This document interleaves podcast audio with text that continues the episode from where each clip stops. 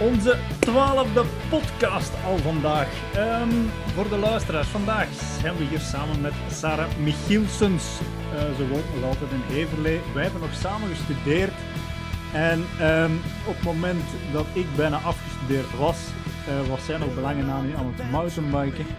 Maar in ieder geval, ze heeft daar een jaar of twee later de microbe te pakken gekregen. Hoe dat ze die te pakken gekregen heeft, hoe dat, dat allemaal geëvolueerd is en hoe dat ze dat op dit moment combineert met haar leven als um, sportfanaat en lesge en LO-leerkracht. Daar gaan we het allemaal over hebben. Maar zoals altijd gaan we beginnen met de standaardvraag. Welke offroadfietsen heeft ze in haar garage staan? Maar eerst en vooral van harte welkom, Sarah. Goedenavond allemaal. Voilà, we zijn vertrokken. Sarah, uh, dus de standaardvraag is: welke offroadfietsen heb jij op dit moment in je garage staan? Wel, om te beginnen wou ik dat ik een garage had. Dat zou het allemaal een stuk gemakkelijker maken. Uh, die is er dus niet, maar er zijn wel veel fietsen. Die staan hier uh, in het appartement. Um, met welke fietsen rijd ik? Uh, met Canyon. En daarvan heb ik de Canyon Inflight. Dat is de cyclocross fiets. Mm -hmm. um, de Exceed dat is de hardtail. En dan heb ik ook nog een luxe en dat is de full suspension. En specifiek Canyon? Is het echt een specifieke keuze geweest, om het zo te zeggen? Um, wel, een aantal jaren geleden is, was het zo dat wij daar een samenwerking mee hadden. Dat liep heel erg vlot. Dat is ondertussen niet meer. Er is bij Canyon heel erg veel veranderd. Maar die fietsen zijn wel absoluut top. Mhm. En um, ja, we bekostigen ze zelf. En als je dan gaat kijken op de markt, prijs-kwaliteit, ja, dan is de keuze redelijk snel gemaakt. Um, we weten ook wat dat we daaraan hebben aan die fietsen. Mm overschakelen naar een ander merk, dat brengt toch altijd een hele hoop zaken met zich mee. Dus uh, ja, ik ben zeer tevreden met de fietsen waar ik momenteel op rijd. Dus uh, maar we hadden het er net vlak voor de opname nog even over. Hè, want uiteindelijk, jullie team noemt uh, het Crank Brothers Racing Team. Hè? Uh, ja, hoe zit, die, hoe zit dat in elkaar eigenlijk? Krijg je er ook een sponsoring van? Of? Ja, wel, het is zo dat um, de aller, een van de allereerste fietsen waar ik op reed, dat was een highbike. De allereerste 29-inch fiets waar ik op reed, was een highbike. En daar zaten Ken, uh, Krankbrother kobaltwielen op. Um, vlak voordat we naar een wedstrijd vertrokken, kregen we problemen met een van die wielen. Mm -hmm. En ja, die geraakten eigenlijk niet gemaakt. Totdat we dan uiteindelijk zelf contact hebben genomen met de hoofdzetel in Amerika. Mhm. En die mensen die hebben ons uh, zeer snel geholpen. Die hebben alle onderdelen die we nodig hadden uh, verstuurd via de post. Binnen de week hadden we die. We hebben die dan met een kleine handleiding thuis in de living zelf uh, gerepareerd. En we zijn dat jaar ook um, op Eurobike geweest, een van de grootste beurzen, fietsbeurzen in Europa alleszins. Mm En uh, daar zijn we die mensen dan gaan opzoeken. We wisten dat die daar stonden. We zijn die gaan opzoeken en zo is eigenlijk het contact gekomen. En ja, sindsdien zijn we eigenlijk heel erg goed bevriend mm met de mensen binnen en achter Krenkbrothers. En we hebben daar dus inderdaad een sponsoring van. Dat wil niet zeggen dat we daar zomaar alles uh, zomaar van krijgen, hè, want dat, zo werkt dat niet. Maar we hebben daar wel uh, hele goede contacten, we hebben daar een mooie korting en ja, dat zijn uiteindelijk uh, topproducten. Want je spreekt over we. Hè? Ja, we. Dat is Peter en ik. Peter is mijn vriend. we zijn ondertussen 14 jaar samen. Ik ben ook beginnen mountainbiken eigenlijk door Peter.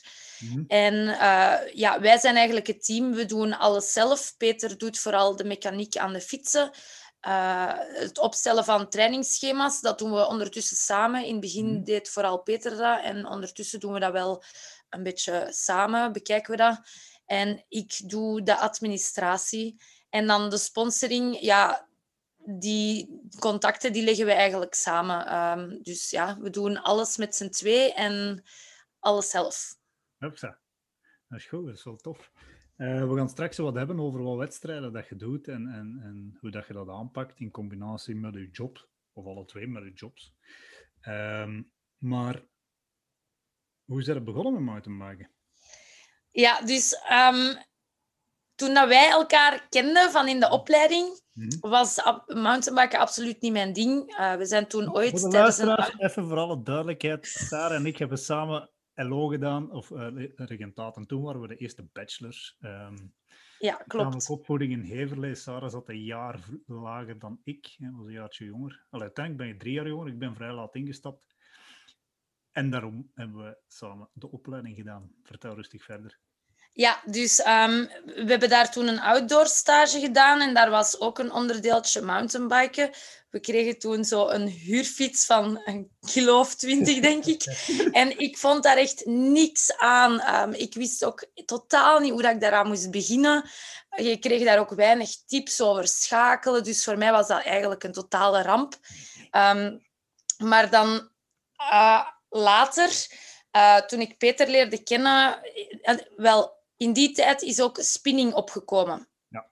En um, in het laatste jaar moesten we zelf kiezen welke, specif Allee, welke specificatie we gingen doen. Mhm. Ik heb toen gekozen voor dans, maar daar zat ook een stukje fitness in, Ja. waarin dat spinning eigenlijk uh, toch ook wel een onderdeel was van de opleiding. En dat lag mij wel. Ik vond dat heel tof om een uur uh, te zwoegen en te zweten op een fiets. Dus ja, dat vond ik wel, wel leuk om te doen. En toen ik Peter leerde kennen, die um, op die moment al aan het mountainbiken was, dat was nadat ik was afgestudeerd, um, eind 2006, um, was hij aan het mountainbiken. Ik ben dan eerst nog naar Australië geweest, maar toen ik terugkwam, zijn we dan samen beginnen mountainbiken. In het begin toertochtjes van 30 kilometer. En de tweede keer dat we samen gingen rijden, dat was dan op zijn fiets dat ik mocht rijden. Uh, vond altijd er niks beter op gevonden dan um, mij 40 kilometer te laten fietsen op de Hoefa-marathon. dus dat was direct de real stuff. Um, ik heb daar toen afgezien, maar ik vond dat heel tof. En ja, daar is het eigenlijk begonnen. Hè. Uh, elke week toertochten doen van 30 kilometer in de buurt. Dan wordt dat 40 kilometer. Voordat je het weet, zijn er 60 kilometer aan het doen. En heb je hier in de streek ongeveer alles gedaan. Mhm. En dan begin je in de Ardennen te fietsen. En dan beland je per ongeluk een keer um, op een podium. En voilà, dan uh, is het hek van de dam. Hè. Je weet waar dat, dat begint, maar je weet absoluut niet waartoe dat, dat leidt op die moment. um, want uiteindelijk ben je in de buurt, ja, dat is regio Leuven, zullen we maar zeggen. Hè? Ja. Meerdal Woud, die zaken allemaal. Um, nu, hij gezegd net, ja, maar die, tijdens die opleiding, ja, dat was de eerste keer uh, dat, was, dat was niet. Ik, ik, herinner me, ik herinner me ook inderdaad, maar ik weet niet dat we dat samen gedaan hebben, maar ik weet wel inderdaad dat toen, um, met, dat er op een moment mountainbiken in zat. Ik mocht mijn eigen fiets toen meepakken, omdat ik dan mountainbike, mountainbike, mountainbikte, aan ik blijf hangen. Um, maar ik weet dat er inderdaad veel collega's, studenten waren die serieus vloekten. Uh, maar ik denk dat er nog wel zijn die uiteindelijk wel zijn beginnen mountainbiken. En ik herinner me ook nog iets van u een foto op moment van O2-bikers. Kan dat? Van? Dat je ergens... Een... O2-bikers, ja. ja. Um, O2-bikers die hebben um, ooit zo een soort challenge gedaan. Dat was een soort van regelmatigheidscriterium waar dat er hele hoop marathons in zaten. Dat waren er heel veel. Mhm. Ik denk dat dat gemakkelijk 15 marathons waren. Ja, ja. Ik denk dat we die toen bijna allemaal gereden hebben. En bij die uh, marathons kon je dan punten verzamelen. Mhm. Als je die uitreed, ook afhankelijk van de afstanden die je deed. Uh, en ik heb dat toen inderdaad uh, gewonnen. Mhm. Door er gewoon heel veel te rijden en ze ook allemaal uit te rijden. Ik ga niet zeggen dat ik bij de betere uh, rensters was toen, helemaal niet. Want ik denk dat dat in die periode eigenlijk meer um, Kim Sane, um, Inge, maar haar, naam, haar achternaam blijft mij nu even... Ik weet niet meer van buiten. En dan uh, Katja...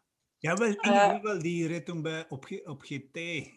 Ja, klopt. Allee, noemen die, we hebben dan een tijd nog bij de Hertzes en de Hendrik. Ja. Ja, ja. Goed, Inge, Inge. Ja, goed. Vertel rustig verder. Ik ga ze googlen. Ja, en Katja, ik denk dat dat de drie ja. beste dames waren. En ja, ik hinkte daar wat achter, maar dan meestal op een half uur of zo. Dus ja, die tijdsverschillen waren enorm op die moment. Maar um, ja, ik ben blijven doorzetten. Hè. Ik, uh, ben dan echt um, wat specifieker beginnen trainen en uh, er meer en meer tijd in beginnen steken, ook meer en meer beginnen investeren in materiaal.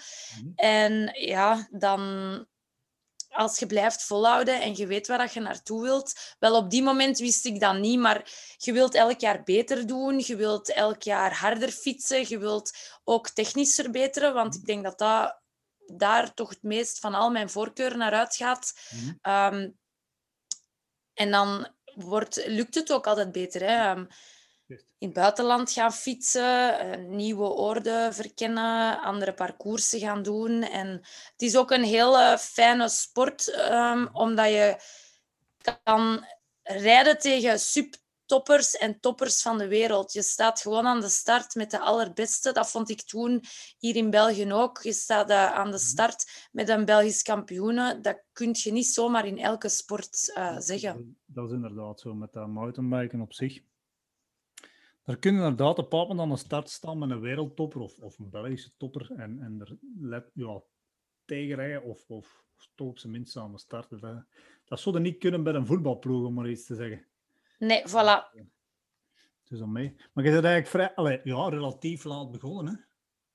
Ja, ik was uh, eh, 22 als ik de allereerste keer eigenlijk echt um, ging fietsen. En ik denk de eerste competitie, als het voor mij meer was uh, van oké, nu wil ik hier een, een deftige tijd rijden of mij beginnen meten met andere uh, rijders, was ik toch al wel 25.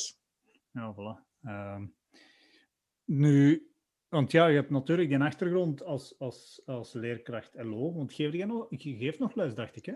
Ja, ja, ja. Ik uh, ben leerkracht lichamelijke opvoeding in de lagere school in het Heilige Hart. Ja. Waar we dus gestudeerd hebben. Uh um, sinds vorig jaar werk ik niet meer vol, vol tijd. Uh, vier vijfde ongeveer. Ja. Um, omdat de combinatie ja, toch niet te onderschatten is. Hoe en wat maakt het, wat maakt het zo zwaar? Um, niet zo. Het lesgeven op zich is niet uh, per se zwaar, maar het is nu niet zo dat de kinderen allemaal, wel niet elke dag is dezelfde. Hè? Als je acht uur lesgeeft op een dag, dan kan ik u verzekeren dat er dagen bij zijn um, die absoluut niet zo gemakkelijk verlopen. Mhm. Dat vraagt best veel energie van u, heel de dag in het lawaai staan, uh, die kinderen proberen te conditioneren, want dat is het uiteindelijk. Um, dat vraagt toch wel veel energie als je daar dan s'avonds ook nog een keer zwemlessen bij doet en dan je eigen trainingen. Ja, dat is op een bepaald moment bijna uh, niet meer te doen. En dan moet je gewoon voor jezelf de keuze maken.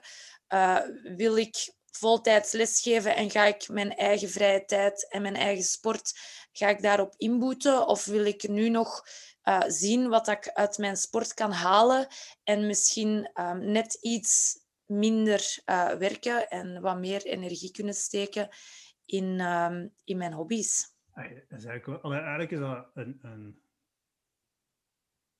een gedurfd is misschien een verkeerd woord, maar toch een, wel een gedurfde keuze. Ja, dat is prioriteiten stellen. Ik heb, uh, we zullen zeggen dat ik een uh, soort van houdbaarheidsdatum ben, heb. Hè. Ik ben niet meer van de allerjongste. Ik wil daarmee niet zeggen dat ik, uh, dat ik niet lang niet meer ga fietsen.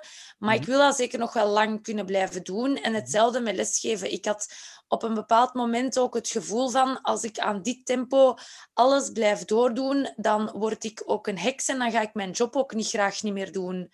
Um, dus het is niet zo dat ik alleen nog lesgeef. Ik uh, begeleid ook een aantal mensen in bewegen mm. en in sporten. Mm. Dat kan ik veel beter zelf regelen. Dat is met volwassenen communiceren en niet met kinderen.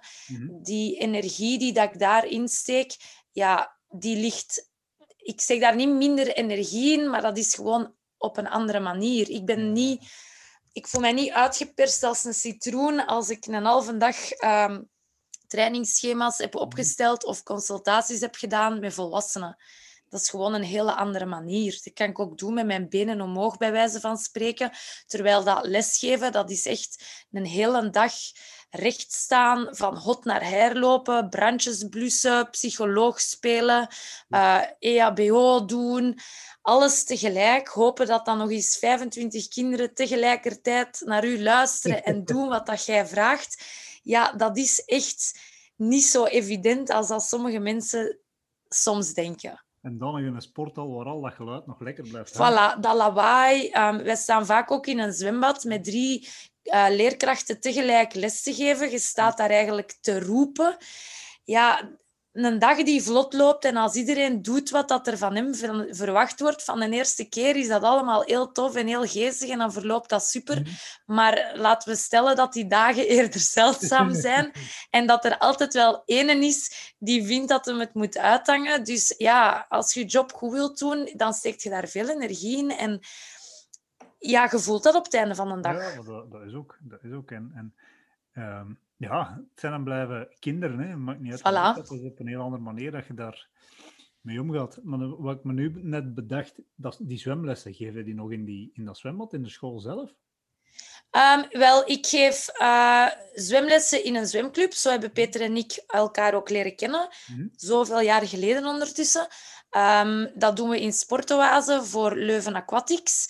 Okay. Maar um, wij geven af en toe ook nog zwemclinics en dan huur ik s'avonds het zwembad uh, van de school. Mm -hmm. Waar dat we dan uh, mensen die voornamelijk in functie van triathlon eigenlijk techniek zwemmen komen volgen. Nu, ja, die energie... Ik bedoel, lesgeven aan volwassenen is heel anders dan lesgeven aan kinderen. Dat vraagt. Op een andere manier uh, energie. Die mensen zijn super gemotiveerd, die willen echt iets bijleren, die investeren daar meestal ook in. Ja, 25 kinderen tegelijk of 10 volwassenen tegelijk, dat is toch wel een klein verschil. Bewust kiezen, ik wil zwemles volgen en ik betaal ah, voilà. Dat is natuurlijk een andere insteek. En is dat zwembad nog veranderd? Sinds, sinds... Um, wel, toen wij in de opleiding zaten, waren ze aan het verbouwen aan de kleedkamers. Ik denk dat jij je nog de periode kunt herinneren waar dat we beneden in die minder aangename kleedhokjes ons moesten omkleden, die bestaan niet meer. Dat is de kelder, daar komen we niet meer. Ondertussen hebben we boven um, nieuwe kleedkamers mm-hmm. en ook uh, beneden twee grote kleedkabines voor de kinderen. En allee, ook de mensen die het uiteraard uh, buiten de uren huren. Dus het zwembad zelf is nog altijd zoals het uh, was. Dat is geclasseerd. Ze mogen daar dus ook niks aan veranderen. Och. Als er een tegel kapot is, moeten ze dezelfde tegel terugvinden en zo van die dingen. Maar, uh, maar dus dat zwembad ziet er langs binnen eigenlijk wel nog altijd hetzelfde uit. Oké, oké. Nou ja, het brengt me brengt wel herinneringen boven. uh, maar je vertelde daarnet ook van, uh, ja, want je geeft ook nog personal training. Mm -hmm. Dat is, dat is ergens in Brussel, denk ik. Ja, klopt. Ik werk daar samen met een, um, een arts die bij mij zwemles komen volgen is. Zij heeft een Engelstalige dokterspraktijk. Mhm. Daar komen voornamelijk, dat, dat bevindt zich aan de Berlemont. Mm. Daar komen voornamelijk expats en mensen die voor de EU werken. Mm. Um, en dat zijn mensen die een zeer drukke levensstijl hebben, die mhm. zich heel vaak afspeelt op uh, restaurant Mm-hmm. En s'avonds met een drankje erbij. Die mensen die zijn meestal behoorlijk intelligent, maar die leiden niet de meest gezonde levensstijl. En de bedoeling is eigenlijk daar dat ik de mensen leer bewegen en beweging leer brengen of uh, ja, in hun uh, dagelijkse bezigheid zonder dat ze daar al te grote veranderingen voor moeten doen. Hè. Veel van die mensen die hebben soms lange uren, mhm. die uh, kunnen het niet altijd opbrengen om dan nog eens een uur naar een fitness te gaan of een uur te gaan lopen. Die kunnen soms ook door hun fysieke toestand niet lopen. Mhm. Dus ik probeer eigenlijk met hun op zoek te gaan naar welke manier is voor hun haalbaar mhm. om wel dagelijks voldoende beweging te brengen en een gezondere levensstijl uh, te leiden.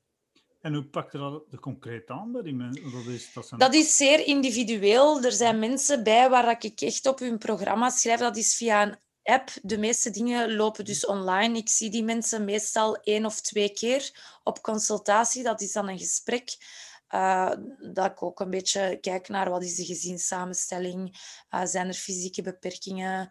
Um, zijn er andere um, gezondheidstoestanden waar ik rekening mee moet houden. En bij sommige mensen begint dat dus met ga 15 minuten wandelen. Mm -hmm. uh, s morgens met uw koffie of um, in plaats van uw auto naar het kantoor op een kwartier te nemen, wandel naar uw kantoor. uh, of neem de trap in plaats van de lift. Maar er zijn ook mensen bij die al wel uh, een zekere activiteit in hun leven hebben, maar die dat niet goed kunnen doseren. Die zijn vaak heel gemotiveerd, maar die doen veel te veel in één keer. En dan proberen we een gewoon een goede, gezonde balans mm te vinden, waardoor dat ze die dingen wel kunnen volhouden zonder eigenlijk uh, ziek te worden of geblesseerd te raken of um, ineens te veel te hebben, waardoor dat ze moeten rusten. Um, ja. Dus ik probeer hun daar vooral in te begeleiden, mhm. een, een, haalbaar schema op te stellen. En dat is zeer uiteenlopend. Hè. Bij de ene is dat wandelen, bij de andere is dat lopen, bij sommige mensen is dat fietsen. Mhm. Ik heb ook mensen die uh, echt krachttraining doen of die een mix van al die zaken doen. Sommigen willen liever naar een fitness gaan. Nu is dat een beetje moeilijk. Anderen die doen het liever uh, thuis, hun activiteit. Dus ik probeer echt naar hun mogelijkheden en hun behoeften een, uh, een, een, goed gebalanceerd schema te maken. En nu die afgelopen maanden, dat ze dat blijven doen? Of? Ja, ik ben dat blijven doen, maar online. Dus nu zijn de consultaties via video, videocalls. Iedereen is daar ondertussen wel vrij uh, goed in geworden. Zeker ook in die branche. Die mensen die doen heel vaak van die meetings. Dus uh, dat is op zich eigenlijk geen probleem. En uh, voor de rest probeer ik met hen uh, heel veel contact te hebben via WhatsApp of via de app waarmee dat ik werk. Um, om zoveel mogelijk feedback te krijgen over de workouts die ze doen, zodanig dat ik zaken kan aanpassen. Um, in het begin starten zij meestal met een programma van 12 weken en nadien kunnen ze dat eigenlijk maandelijks verlengen.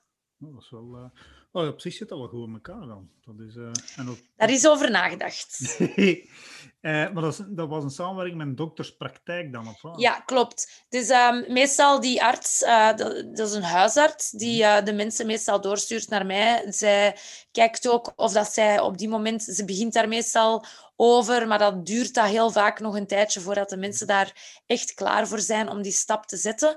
Maar dus uh, meest, in de meeste gevallen zijn het mensen die door haar worden doorgestuurd mm en die dan ook tegelijkertijd begeleid worden door een diëtist. Dus het is een soort van uh, totaalpakket waarin dat ze begeleid worden door de mensen die ze op die moment eigenlijk nodig hebben Alright. om een zo gezond mogelijke levensstijl te leiden. Ehm, dan, ja, op zich zijn ze dan los, los van het fietsen, hè, puur professioneel, zijn dan toch al druk bezig. Ja, klopt. Ik ben een bezig bij. en dan dat fietsen daar nog bij krijgen. ja, klopt. nu, het voordeel, ja, dat is een hele uitdaging, maar planning is het keyword, uh, is zeker heel belangrijk. En um, wat dat ook wel belangrijk is, Peter en ik, wij doen al die dingen samen. Dus het is niet zo dat ik ook nog een keer de balans moet zoeken in mijn relatie. Hè. Wij, trainen, wij hebben juist een uh, training gedaan op de rollen. We doen dat mhm. dan samen. In plaats van dat je naar een tv zit te kijken samen, zitten wij samen op de rollen of gaan wij mhm. samen een toerke lopen of mhm. gaan wij samen naar de fitness. Wij geven ook samen zwemles. Dus heel veel van die dingen doen wij samen. En dat maakt ook dat wij zeker in de moeilijkere periode waarin dat we nu gezeten hebben, mhm. eh, ook nog wel zaken hebben om over te praten. Hè. Wij praten ook over de mensen die we zwemtraining geven. Of mhm. als ik zo mensen begeleid en ik weet niet goed uh, in dat schema waar ik ermee naartoe moet, dan kan ik dat ook met hem heel goed aftoetsen. Uh, of dat met hem een keer bespreken. We zitten alle twee een beetje in dezelfde branche, waardoor dat, dat ook wel... ja, wat doet Peter dan? Um, Peter die is sportmonitor voor Defensie. Dus ik zeg altijd, ik heb kleine soldaten en hij heeft grote soldaten. Uh, bij hun is dat nu momenteel een beetje moeilijk. Hè. Daar vallen ook heel veel sportactiviteiten weg. Waardoor dat ik uh, een zeer goede huisman heb die wel af en toe nog um, sportactiviteiten moet gaan doen met nieuwe recruten of met uh, leerlingen die gestart zijn met een opleiding. Maar um, ja, hij moet eigenlijk veel minder in de kazerne zijn dan voordien. En daarnaast werken wij ook alle twee vlak bij de deur, waardoor dat ook heel veel van die zaken gewoon veel haalbaarder zijn. Wij steken geen tijd in verplaatsing. Mhm.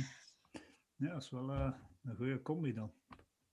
Ja, wel, ik heb uh, geprobeerd om de laatste jaren alles zoveel mogelijk eh, dicht bij huis te organiseren en op een manier waar, waarop dat het haalbaar is. Hè. Je kunt je programma zo volproppen als je wilt, maar je moet het kunnen volhouden en het moet plezant blijven. En ik doe ook al die dingen graag, anders ja, zou het ook absoluut niet, niet mogelijk zijn om al die dingen te doen. Ja, inderdaad. En hoeveel uren per week zijn er dan aan het trainen met alle sporten die je dan zelf doet? Um, puur netto uren denk ik dat ik rond de ja, 15 uur zit. Dat hangt er natuurlijk een klein beetje vanaf in welke periode van het jaar dat we zitten. Hè. Uh, dat bouwt ook op. De ene week is dat wat meer dan de andere week, uiteraard. Ik probeer een opbouw te doen van drie weken, gevolgd door een rustweek. Mhm. Dus in mijn werkschema probeer ik daar ook rekening mee te houden. Ik ga dan ook afspraken plannen, bijvoorbeeld in de week waarin dat het iets rustiger is en in de week waarin dat ik meer trainingsuren heb, ga ik dan proberen eh, minder van die zaken te doen. Dus het is echt gewoon heel goed plannen. Uh, maar ja, in totaal denk ik dat ik wel gemakkelijk aan 15 uur kom als je ja, core, uh, core stability, fitness, lopen, zwemmen. Ik probeer zelf ook nog af en toe te zwemmen, omdat dat mm. ook wel een leuke afwisseling is. Ja. Dat zijn al 30 uren. Hè?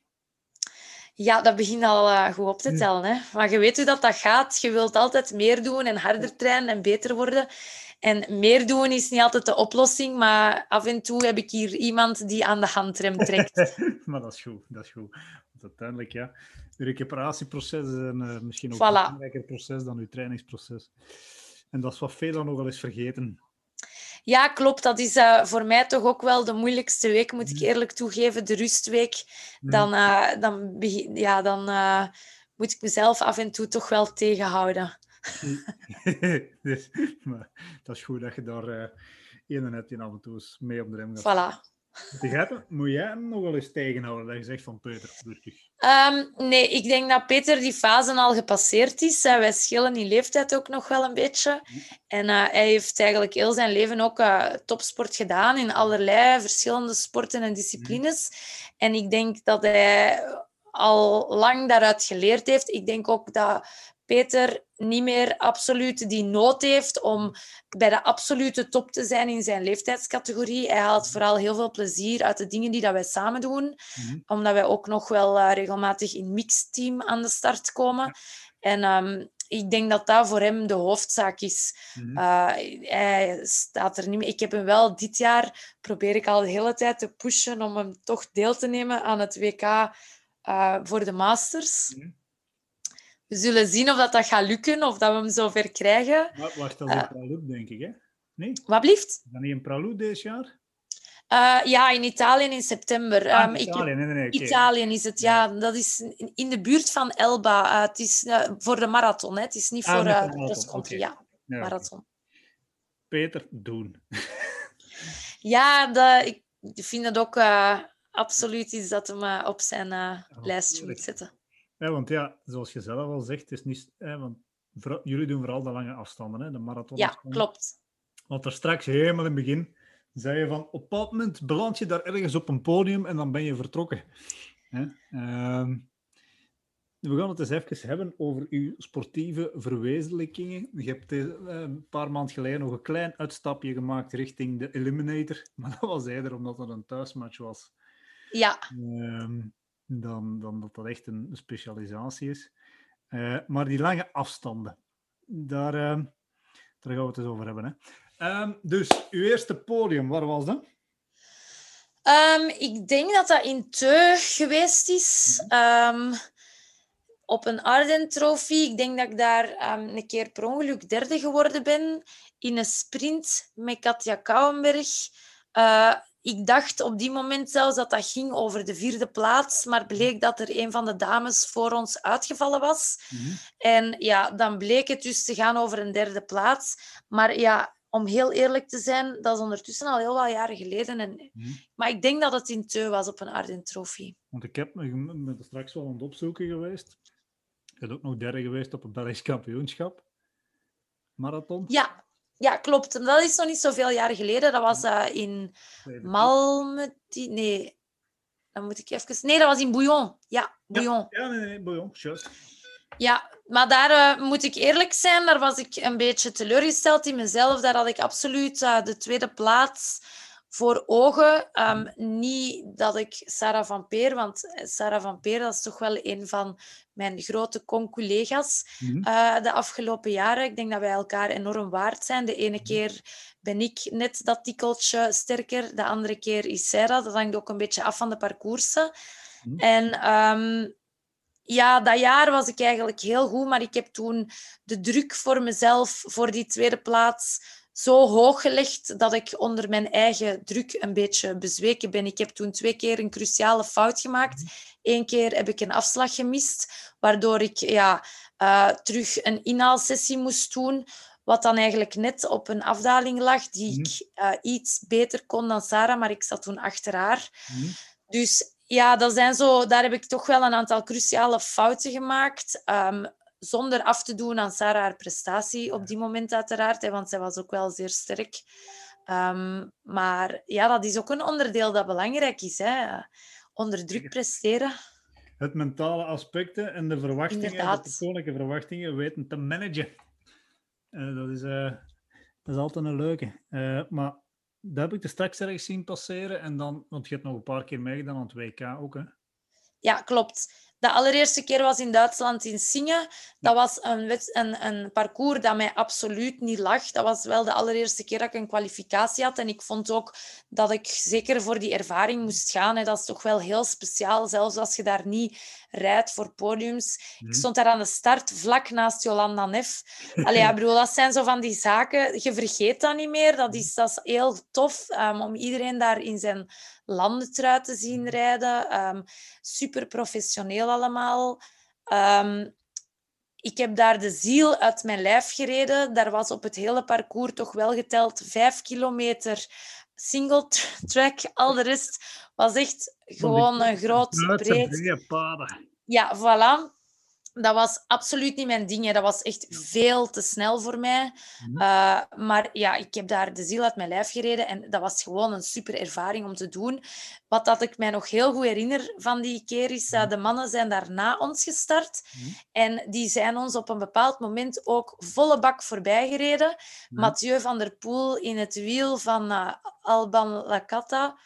Uh, met dan Hans Bekking. En ik denk zelfs dat Frans Klaas daar toen ook bij zat. Mhm. Met nog een... En Sebastien Carabin zal daar ook wel. Dat was echt zo heel chic om te zien hoe dat, dat groepje mij op die moment, waar ik dubbel tussen mijn kader zat, aan vijf per uur voorbij komen gesjeest. Maar ja, dat, dat, is wel een hele ervaring. Dat is superleuk. En dan zie je die toppers, als je zelf over de finish komt, ook volledig kapot. Ja. Um, hijgend en in Mathieu zijn geval toen zelfs uh, wenend, omdat hem tweede was geworden, denk ik. Uh, een zware teleurstelling voor hem. Uh, ja, dat, ja dat, dat, vergeet je niet. Dat zijn zeker dingen die je moet meepakken als je dat kunt doen. En dat zeker met die marathonafstanden, hebben dat zeker. Die, rijden misschien, of die, die rijden sneller en die zijn sneller binnen, maar die hebben in verhouding even hard afgezien. Dat is... Ja, absoluut. Um, ik, ik kan me nog goed herinneren dat uh, Mathieu toen ook in een interview gezegd heeft van dit is echt moordend. Dit is een van de allerzwaarste disciplines die ik ooit gedaan heb, omdat ten eerste ken je het parcours voor stukken, maar meestal niet helemaal. Mhm. Um, de wedstrijd wordt altijd hard gemaakt. Hè. Het is een soort van tijdrit die Ja. je rijdt tegen jezelf. Zeker ook bij de dames, omdat wij met veel minder zijn. Um, en je, je rijdt soms ook blind. Ik heb soms totaal geen idee hoeveel uh, voorsprong of Mhm. hoeveel ik achterlig op een andere renster. Dus dat is gewoon blind koersen en ja, doseren. Je wedstrijd goed leren indelen. Ja. Eten en drinken onderweg. Zeer belangrijk, maar absoluut niet zo evident als dat mensen soms denken. Um, ook omdat je moet eten en drinken op plaatsen waar dat je dat kan doen. Hè. In het mountainbiken, in een afdaling, kun je niet even rap eten en drinken, omdat je toevallig op die moment 40 minuten aan het rijden bent en eigenlijk iets in je mond moet steken. Dus dat is, je mocht dat ook niet vergeten. Dat is ook zo een, een struikelpuntje waar dat je uit leert als je dat wel een keer vergeten bent. Um, ja, dat is altijd heel veel variatie. Je hebt Mhm. stukken op de weg, je hebt stukken die heel moeilijk zijn. Um, het weer doet ook heel veel. Dus ja, zeer uiteenlopende, maar super zware discipline. Ja, en nu dat je over het eten hebt, je uh, want ik heb ook in een tijd marathons gereden. En je kunt dan denken, ja, ik heb precies geen ogen, ik sla een beurt over. Ja, slaagt die beurt maar over, maar een half uur later weet het gewoon. Uh... Ja, dan slagen uw benen ook een beurt over, hè? ja, dat is echt... En als je het voelt komen, is het te laat. Dan is het te laat, ja. Te laat. En dan is dat zo een kwartier, twintig minuten echt... Oh, tegen dat alles terug verwerkt is. Ehm. Ja, dat is, uh, ja dat, is, dat is moordend. Het is net hetzelfde als te snel starten. Als je te snel mee in een start gaat, dan kan het goed zijn dat je na 30 kilometer volledig uh, kapot bent. En als je dan uh, eh, 70 kilometer rijdt, dan zijn die laatste 40 heel lang. dan duurt dat heel lang. Ofwel zeg je van ja, ik ga even op de rem staan, maar ja, en tegen is, je wilt niet opgeven. Hè? Dat doe je dus niet. Hè? Nee, voilà. Dus het is echt, uh, het is niet alleen een strijd tegen uw parcours, tegen uw op die moment uh, tegenstanders, maar ook heel vaak tegen uzelf. Je komt uzelf regelmatig tegen. Ik, uh, ik heb heel regelmatig zo het idee van waar zijn er nu weer aan begonnen? Waarom ja. doe je dat eigenlijk? wat vind je daar zo plezant aan?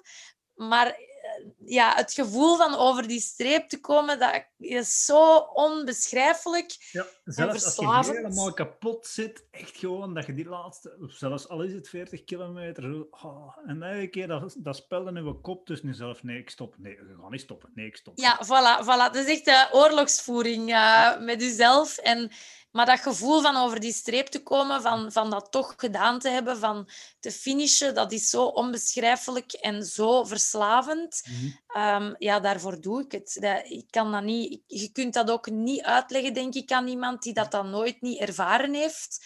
Maar dat, ja, dat is de reden. je kunt je ook niet in een peloton zetten of zo, hè? Like op de weg. Nee. Um, nee, de, dat is uh, heel anders dan op de wegkoersen, denk ik. Wel ook al heb ik daar eigenlijk geen ervaring mee, mhm. maar je kunt je niet in een peloton zetten uh, om, om even te recupereren. Zo werkt dat niet. Het gebeurt wel dat je misschien een keer in iemand zijn wiel kan meerijden, maar dat moet dan allemaal uitkomen. Dat is nog niet, iedereen rijdt zijn eigen tempo. Het is ook niet zo evident om iemand anders zijn tempo te nemen. Uh, als die net dat tikkeltje sneller rijdt, want daar kun je je zodanig mee kapot rijden dat je voor de rest parkeert. Dus je moet jezelf leren kennen. Je mhm. moet, er zijn zoveel zaken waarmee dat je rekening moet houden. Mhm. Je hebt geen oortjes. Een ander aspect is ook dat er niemand is die je fiets gaat komen repareren als je gebroken hebt. Dat uh, is ook zoiets dat je moet leren. Je plan trekken onderweg, zelf leren aan je fiets werken um, je bandendruk, welke banden steekt je. Mhm. Ja, er komt zoveel bij kijken wat het ook interessant houdt. Ja. Het wordt nooit saai. Je leert zoveel dingen bij op fysiek vlak, op mhm. mentaal vlak, op technisch vlak, maar ook op fietstechnisch vlak. Um, mechaniek. Eh, ja, en, en dan nog eens het sociale erbij. Je leert zoveel nieuwe mensen kennen dat is echt, uh, ja, voor mij is het een, een, een van de tofste uh, disciplines, denk ik, in de wielersport die dat er is. Ik kan het alleen maar beamen. uh, ja, want nu hebben we het even over zingen gehad, maar hoeveel WK's je al deelgenomen? Um, ik denk dat ik er al drie op mijn... Ja, en dan als ik dat van de Eliminator bijtel, vier. Al mhm. was dat een beetje een andere zaak. Uh, maar ik heb Zwitserland heb ik meegedaan. Um, Italië heb ik meegedaan. Dat was het laatste dat ik meegedaan heb. Dit jaar was in Turkije. Daar ben ik uh, bewust niet naartoe gegaan. Omdat het... één, zaten we toen al in een beetje een moeilijke situatie. En ook vooraf had ik die beslissing eigenlijk halvelings al genomen. De politieke situatie in Turkije was vooraf ook al een beetje wankel. Dat is dan een keer met een maand verplaatst geweest, dat WK. Um, dat viel op een moment dat het met school misschien net iets minder makkelijk was om dat te combineren. Plus dan ook nog eens de hele reis daar naartoe binnen Europa uh, koersen is voor ons toch nog wel net iets evidenter dan ook nog eens uh, het hele vlieggebeuren erbij. Um, en daar dan, ja, dat had ik eigenlijk op voorhand al beslist om, om dat eigenlijk uh, aan mij voorbij te laten gaan. 2021, staat dat op de planning? Ja, dat, voor mij staat dat wel op de planning. Dat is Italië. Dat is misschien wel weer een parcours dat mij uh, eventueel zou liggen. Mhm. En ik denk uh, dat ik voorlopig heel veel op de planning heb staan. Al moeten we ook nog wel een beetje afwachten wat er wel en wat dat er uiteraard niet kan doorgaan. Hè. Uh, Mhm. het zijn zeer onzekere tijden wat dat betreft. Ja. Maar ja, ehm, Italië, ik heb dat wel op mijn agenda staan. Ja. Right. Eh, wanneer is dat weer? September? Nee. Eh, ja, ik geloof eind september. Eh, eind september, begin oktober. Daar moet dat ergens liggen. Ik weet het nu niet van buiten. Ik heb nog niet alle data's van buiten geleerd. Allee, Sarah, kom aan. Nee, dat, dat, eh, we nemen het voorlopig een beetje stapje voor stapje, omdat het... ja, het, is, het is moeilijk hè, nu. We kunnen niet Mhm. zeggen wat dat er wel doorgaat, wat dat er niet zal doorgaan. En als het doorgaat, of dat wij mogen gaan, dat is ook Mhm. weer zo een, een moeilijke zaak. En, en wat parcoursen liggen nu het beste eigenlijk? Ehm, hoe technischer en hoe zwaarder, hoe beter eigenlijk. Ik heb eh, van mezelf gemerkt, en dat is misschien ook omdat ik Mhm. iets ouder was toen ik er echt mee startte, dat mijn basissnelheid ehm, niet zo hoog ligt als bij veel dames Mhm. die bijvoorbeeld eh, al veel jonger koersen of ook op de weg gereden hebben. Ehm, dus ik moet het echt hebben van de zware eh, parcoursen waar dat naar het einde toe de andere eh, verzwakken en Mhm. waar dat ik eigenlijk mijn tempo, dat iets lager ligt, gewoon heel lang kan doortrekken. Ja. En ook het technische aspect, daar ben ik de laatste jaren wel heel erg al... Ja, ik wil nu niet pocherig overkomen, maar ik durf toch wel van mezelf zeggen dat ik daar wel heel eh felle vooruitgang in Mhm. gemaakt heb door in Polen en in Tsjechië te gaan koersen, waar dat ja, het terrein, en Frankrijk ook trouwens, waar dat het terrein toch wel van een heel ander niveau is dan, eh, dan hier. Ja, Polen en Tsjechië. Ja, Tsjechië ken ik een beetje, omdat ik daar een paar keer geweest ben voor de Wereldbeker. En ik weet dat daar inderdaad, dat daar tech... maar dat er ook gewoon heel mooi is. Punt. Ja, het is daar heel mooi. Het, eh, er is daar ook nog echt zo een hele pure sfeer. Mhm. Uh, de mensen die dat daar aan de mensen zijn daar over het algemeen behoorlijk sportief. En ja, dat is een hele fijne sfeer om daar te gaan. En ehm, die parcoursen, daar, daar doen ze stukken. Want ehm, afgelopen jaar zijn Hans Bekking en Rob Meeuwse ook daar geweest. En die zeiden zelf, de dingen die dat wij hier gedaan hebben, die krijgen wij gewoon. Daar zou je in België en in Nederland gewoon geen toestemming voor krijgen. Ja. De afdalingen die we daar voorgeschoteld kregen, dat waren eigenlijk echt enduro Mhm. zaken, ehm, maar waar dat ook enduro-renners van de fiets komen. Dus ja, dat is echt... eh, om het eerste jaar als we daar kwamen, moet ik, ja, heb ik echt bijna in mijn broek gedaan. Als we daar aan de start stonden, was dat ook met een hardtail. Toen kwamen ze vragen van, amai, ga je daarmee starten? En ja, ik dacht, ja, natuurlijk, ik rijd daar altijd mee. Dat is toch geen probleem? Maar ah ja, in de wedstrijd begon ik wel te begrijpen waarom dat die vraag gesteld werd. Ik heb dat jaar denk ik ook meer afdalingen te voet gedaan, of toch Ja. stukken dan ehm, al rijdend. Maar tegenwoordig eh, lukt dat toch al veel beter. Heb ik daar wel heel erg veel in geleerd. En het materiaal eh, ondertussen ook al een beetje Ja, natuurlijk. Ja, want verbeterd. ik, op je Facebook maakte zo regelmatig eens reclame voor een. Is dat dat evenement in Tsjechië? Ja, klopt. Dat is echt, als je van jezelf vindt dat je een echte mountainbiker bent, dan moet je daar geweest zijn. Dat is, dat, dat is echt crazy. En, Dat wanneer, is- en welk evenement is dat juist voor degene die dat Eh, Mountainbike Trilogy is dat. Dat valt eind juni, begin juli. Dit Mhm. jaar is dat ook een eh, UCI-wedstrijd.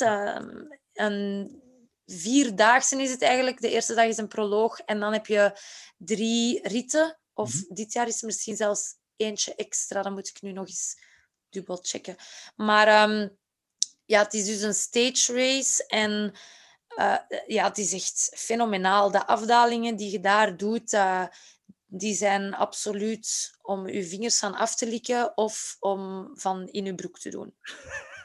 Ik zou je vingers nu niet aflikken als je naar beneden aan het rijden bent. Maar... Nee, maar eh, nee, het is echt... we hebben daar gereden met Regina Maroende, die ooit deelnam aan de Olympische Spelen. en die zei zelf van, what the fuck is dat hier? Oh, dat moet wel tof zijn, ja. Eh, misschien. Ja, en herhaal het nog eens voor de luisteraars. De... Mountainbike Trilogy. Mountainbike Trilogy. .cz waarschijnlijk. Zoiets. Ja, daar gaat er zeker uh, erop komen. En anders moet je zeker op mijn Facebook een keer kijken. Daar, uh, daar staan wel enkele posts over.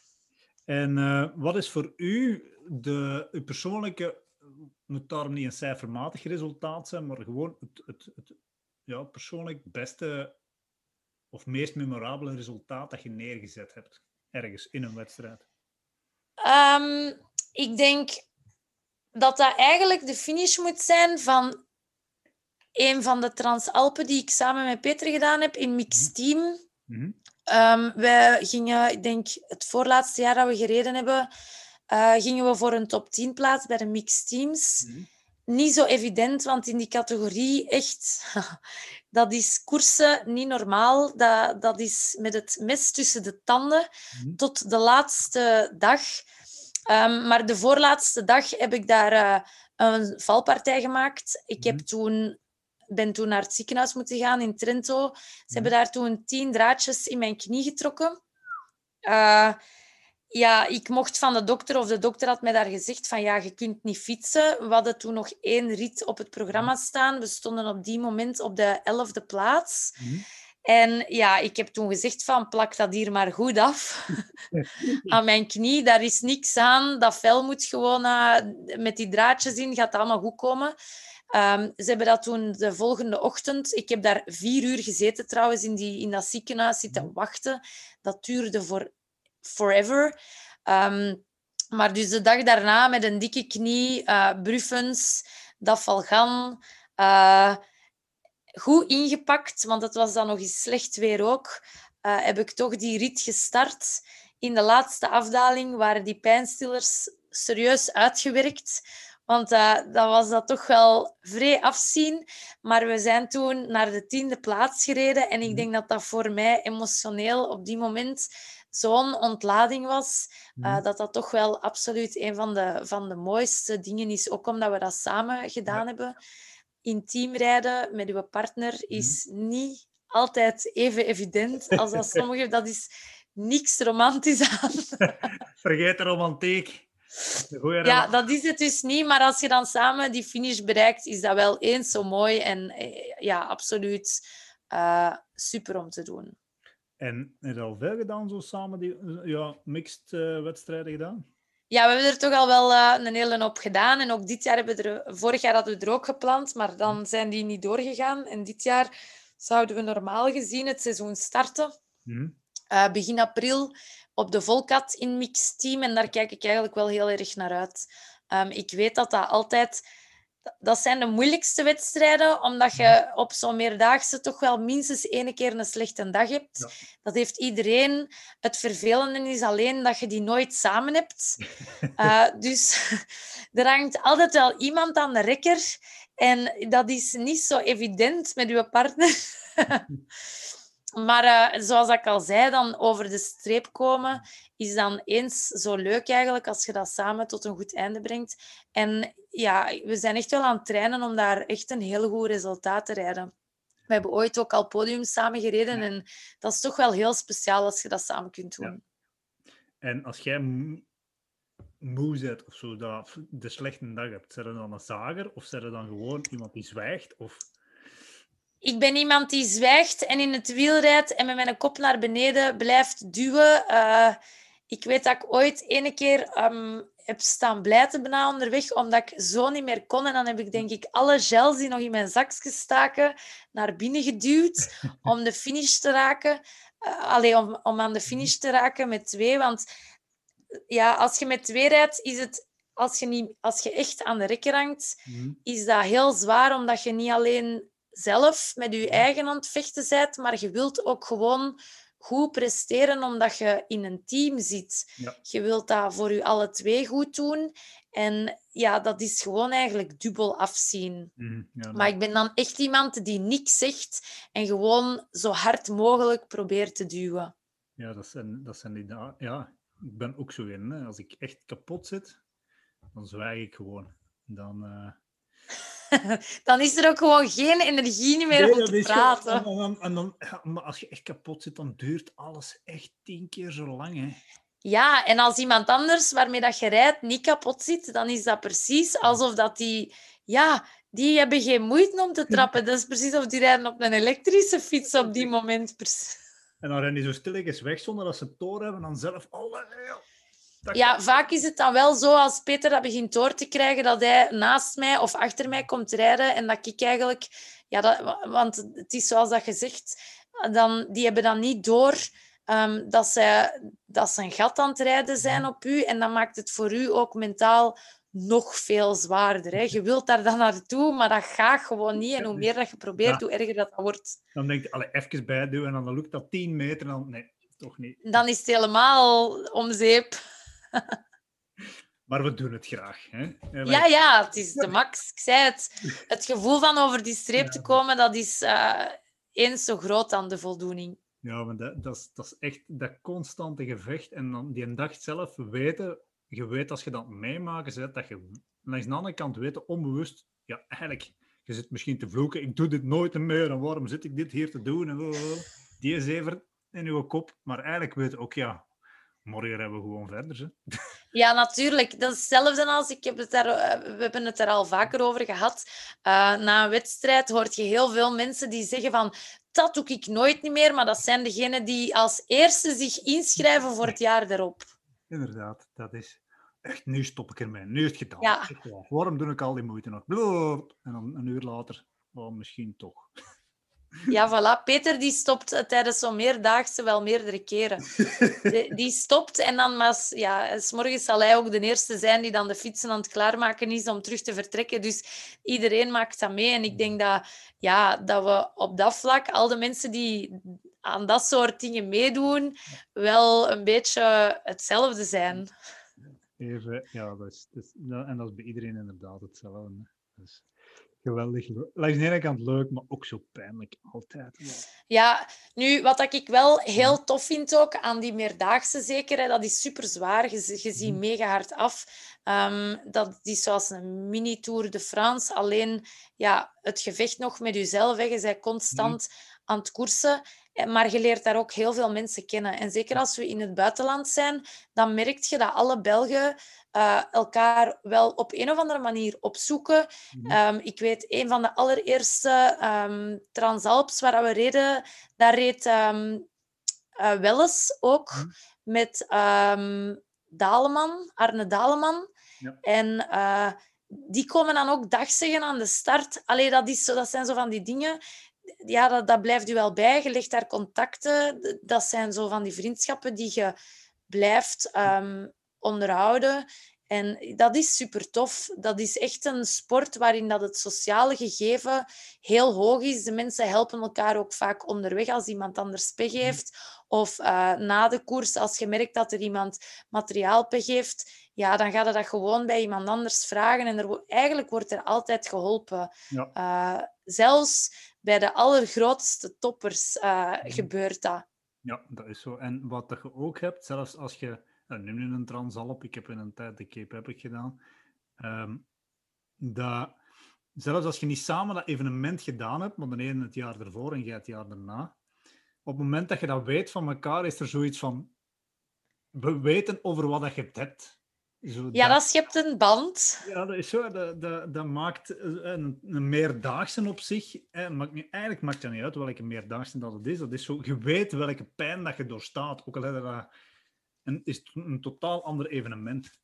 En dat maakt het... Ja, dat is... Dat is uh, ja, ik vind dat altijd een heel avontuur. Uh, daarmee maak je altijd zaken mee en je maakt daar ook echt herinneringen. Dat zijn dingen die je altijd bijblijven. Er zijn hele lastige momenten, maar ook echt absoluut hele mooie momenten. En je leert jezelf altijd wel een beetje kennen, want je komt je eigen minstens één keer tegen. En je komt op plaatsen waar je ja, Anders nooit zou komen. En dan zeker met je fiets. Dat is, als je dan een beetje kunt genieten, als je dan net boven komt en het is een beetje een plateau. Hè, dan, Nu, ik moet ook wel zeggen, meestal achteraf als we de foto's zien, dan denk ik, wauw, hebben wij daar gefietst? ja, dat is juist. Als je zo met je kop naar beneden aan het rijden bent en aan het afzien, dan heb ik nu niet heel veel van de omgeving gezien.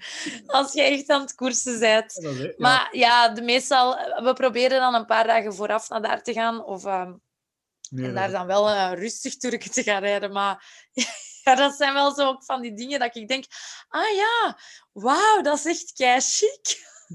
En zijn we daar geweest? Ja, gisteren. Ja. Inderdaad. Um, zijn er zo nog evenementen die je nog niet gedaan hebt, die nog op de bucketlist staan? Uh, ja, dit jaar heb ik de Verbier, Grand Verbier gepland. Uh, daar zijn we nog niet geweest. Dat is een vreselijk beestige... Is dat de kristalop? Die? Ja. ja. Daar uh, zijn wij nog niet geweest. Maar heel veel hoogtemeters, vreselijk steile beklimmingen. Uh, die, wil ik ze Allee, die staat zeker op mijn lijst. Um, ja, en anders, er zijn echt nog wel een aantal zaken, zeker ook in Europa. Mm. Maar we hebben, buiten Europa hebben we er eigenlijk nog geen gedaan. In Canada zou ik zeker ook nog wel een keer willen gaan rijden. Misschien een, uh, Cape Epic. Mhm. Maar het probleem, allee, of probleem, het ding bij de Cape Epic voor mij is een beetje dat dat zo'n groot budget vraagt, dat dat momenteel financieel eigenlijk, dat, dat zou dan gewoon de wedstrijd van het jaar zijn en dan kan ik mhm. daar buiten bijna niks meer rijden. Dat, dat is zo'n grote investering. Maar eh, de Cape op zich is inderdaad heel duur. Dat, dat, en, en, maar langs de andere kant moet ik wel zeggen, het is af. We moeten, geen, we moeten nergens iets van aantrekken. Maar wat ik wel weet, is, uh, is dat in Zuid-Afrika zijn er ook nog heel, nog heel veel evenementen die ook heel goed georganiseerd zijn en een pak goedkoper zijn. En als je dat eens wilt doen om Zuid-Afrika te doen, dan zou ik zo'n Cape Pioneer of zelfs zo'n 361 of uh, waar dan nog met Jean over gehad, uh, die van de, de allee, die van duizend kilometer aan één stuk, noemt hem weer. De Munga. Maar dat is wel een heel speciaal concept, hè? ja, maar ja. We zijn ook een paar dagen onderweg. Nu, maar er, ja, er zijn zeker nog wel dingen die dat ik, dat ik wil doen. Maar um, ja, het is altijd een beetje plannen. Bijvoorbeeld uh, de MB-race uh, van de Mont Blanc, die wil ik ook wel zeker nog een keer doen. Maar dat valt dan bijvoorbeeld samen met andere events. Dus je, je, moet een beetje kiezen. En kiezen is verliezen, hè. Ja. Uh, dus.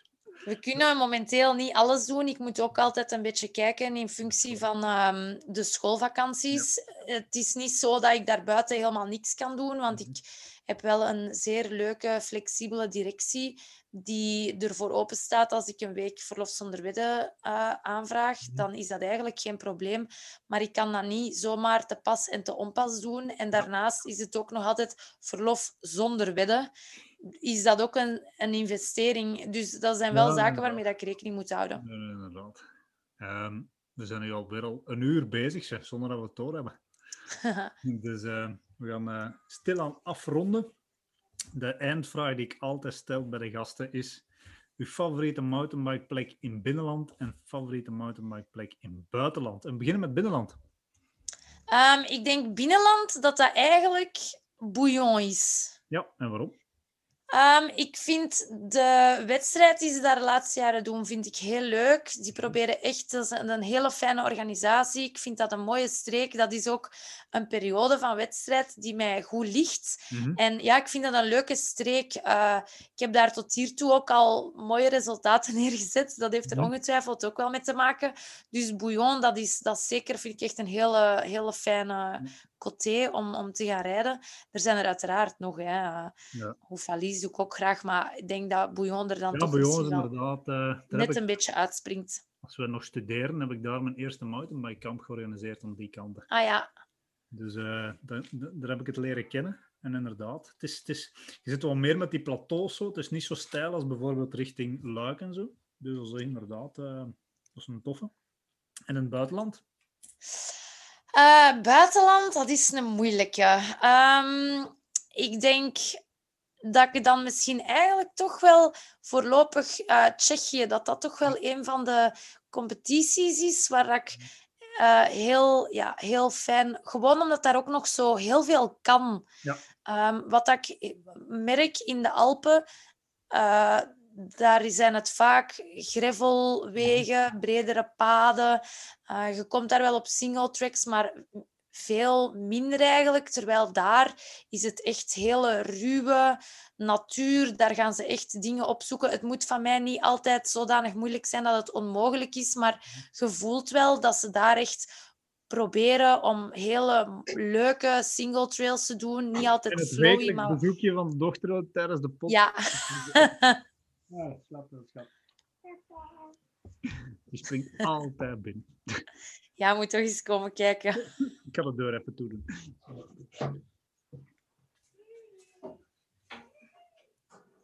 Voilà, voilà, Dus Tsjechië. Ja, Tsjechië gewoon omdat... Uh, ja, dat is echt heel puur. Mhm. Ehm, ook de, de mensen... De, in de eerste keer dat wij in Polen en Tsjechië kwamen, had ik het gevoel van... Amai, die mensen die zijn zo heel... Uh, hoe moet je dat zeggen? Um, die zien er eerder nors uit, maar die zijn zo vriendelijk. Die proberen echt u te helpen met alles. Mhm. die, die zoeken oplossingen. Die, ja, die zijn super vriendelijk. Die zijn uh, ja, dat, dat, is, dat is een heel speciale sfeer daar ook. S'avonds is dat daar ook groot feest en pinten drinken en worsten eten. Niet dat ik daar per se aan meedoe, maar gewoon de sfeer die dat daar gecreëerd wordt, is, is heel fijn en heel avontuurlijk en heel puur. En een pak goedkoper om dan... Uh, ja, absoluut. Dan, uh, absoluut. Daar kun je echt voor een hele schone prijs, een hele schone wedstrijd doen. En het is dan misschien niet altijd uh, georganiseerd zoals dat de andere evenementen tot in de detail mhm. door professionele organisaties worden gedaan. Maar dat heeft nu net ook wel een beetje zijn charme. Ja. ja zijn echte bikers. Inderdaad. Die. En, en Polen ken ik minder, maar Tsjechië op zich is qua mountainbike land hè, en alle disciplines is toch, toch een top 5 land. Ja, absoluut. Die zijn ook, als je dat kijkt, hè, langlaufen, biathlon, uh, de, de, ook in de sneeuwsporten zijn die heel uh, bedreven. Die mensen die, die, moeten het, die moeten soms wat daar ter vechten en die moeten wat meer moeite doen om bepaalde zaken gedaan te krijgen. Maar die zijn heel erg sportief en die doen echt hun best. En die, um, hun talen zijn misschien niet altijd... Ik ben op plaatsen al geweest dat je soms denkt van, oh jee. Uh, maar die doen echt hun best. als ze het niet in het Engels kunnen, dan proberen ze het in het Duits. Of met handen en voeten proberen ze het uit te leggen. Dat, dat, is, dat heeft wel iets, vind ik. En de natuur is daar gewoon heel ja, ruw nog. Het is de Ardennen, maar in het kwadraat. Ja, nee, dat is ook. Dat is ook. En je, ik ben... Wanneer was het? In de zomer, denk ik in Tsjechië, ja, in de zomer in Tsjechië geweest. Uh, en dan een paar jaar terug naar de Wereldbeker, daar in Novo Mesto. Op zich is dat inderdaad één schoon land, goedkoop, maar echt belachelijk. belachelijk. Ja. Dat je soms denkt van, allee, dat kan toch niet. We hebben bijvoorbeeld hotel gehuurd met acht mensen. We waren voor een nacht met, eet, met ontbijt, met acht, 113 euro kwijt. Ah ja, maar ik kan me dat voorstellen, ja. Dat is waanzin, ik snap dat soms niet. Maar het gekke is, de fietsen kosten daar hetzelfde als hier. Hè? Ja. Bizar. Ik kan, nee, maar op zich is het inderdaad een heel tof en mooi land. En ja, als ik voor zelf nog eens te biken, die, die staat er inderdaad nog op. Voor er eens naartoe te gaan. Sarah, we zijn uh, meer dan een uur ver. Ja. Dus, uh, ik, uh, het was een vlotte babbel. Dus, daar ben ik blij om. Dat is mijn job ook een beetje, hè, babbelen. voilà. Dus uh, een goede LO-leerkracht kan goed babbelen. Meestal wel, ja. Veel van onze uh, collega's in de opleiding zijn in de verkoop gegaan of als vertegenwoordiger gaan werken. Nou, ik denk niet dat dat, uh, nee, dat, dat, dat zonder goede reden was. nee, nu dat ik dat zo zeg, dat is inderdaad zo. Ja. Dat is maar ja, dat is... we moeten altijd wel dingen uitleggen aan mensen. Hè? Ja, klopt. En uh, ja, voilà. ik weet niet, ik denk dat mensen die uiteindelijk die richting gaan studeren, dat die naast sport ook gewoon vrij sociaal zijn en het goed moeten kunnen uitleggen. En ook al probeer ik wel les te geven met zo weinig mogelijk woorden, als je iets uitlegt, moet je zorgen dat het duidelijk is. Voor onze luisteraars, we um, zijn we aan het einde. Jullie hebben ondertussen wel gevonden waar het dus allemaal, al, al die podcasts kan terugvinden. Je mag die altijd delen. Ehm, Sarah, nog eens een dikke, dikke merci om uh, last minute toe te zeggen, want nog gisteravond pas um, In ieder geval, Sarah, dikke merci voor de luisteraars. Tot volgende week. Bye. Graag gedaan, dag.